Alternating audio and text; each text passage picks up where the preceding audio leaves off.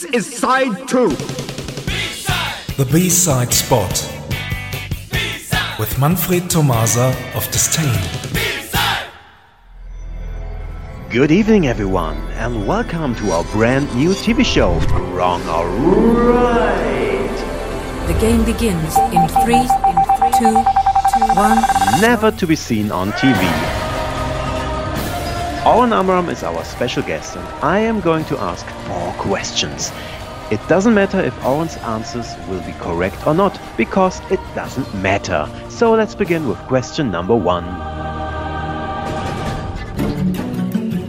What? Right, what was the title of the flip side of Frank Sinatra's hit single New York, New York? Was it New Angeles, Los York? What? What is no answer? Next question. Did Burt Lancaster set up Depeche Mode in 1956 because he was bored with life? Burt Lancaster? You are absolutely right this time. Next question. It is right or wrong. Is it right or wrong to play a synthesizer while it is thinking about life in general? A synthesizer?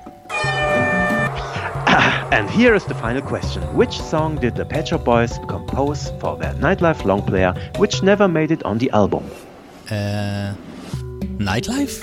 Absolutely, and here it is, exclusively released on the DVD single of Home and Dry in 2002. Thanks for watching the show and see you somewhere at night.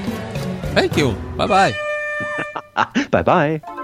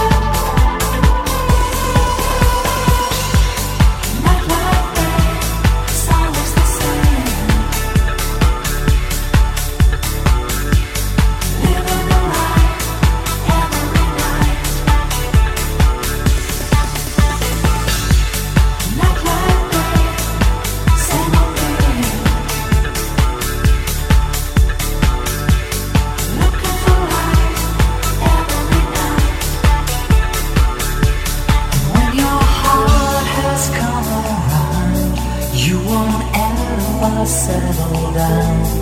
You won't ever. You won't ever say goodnight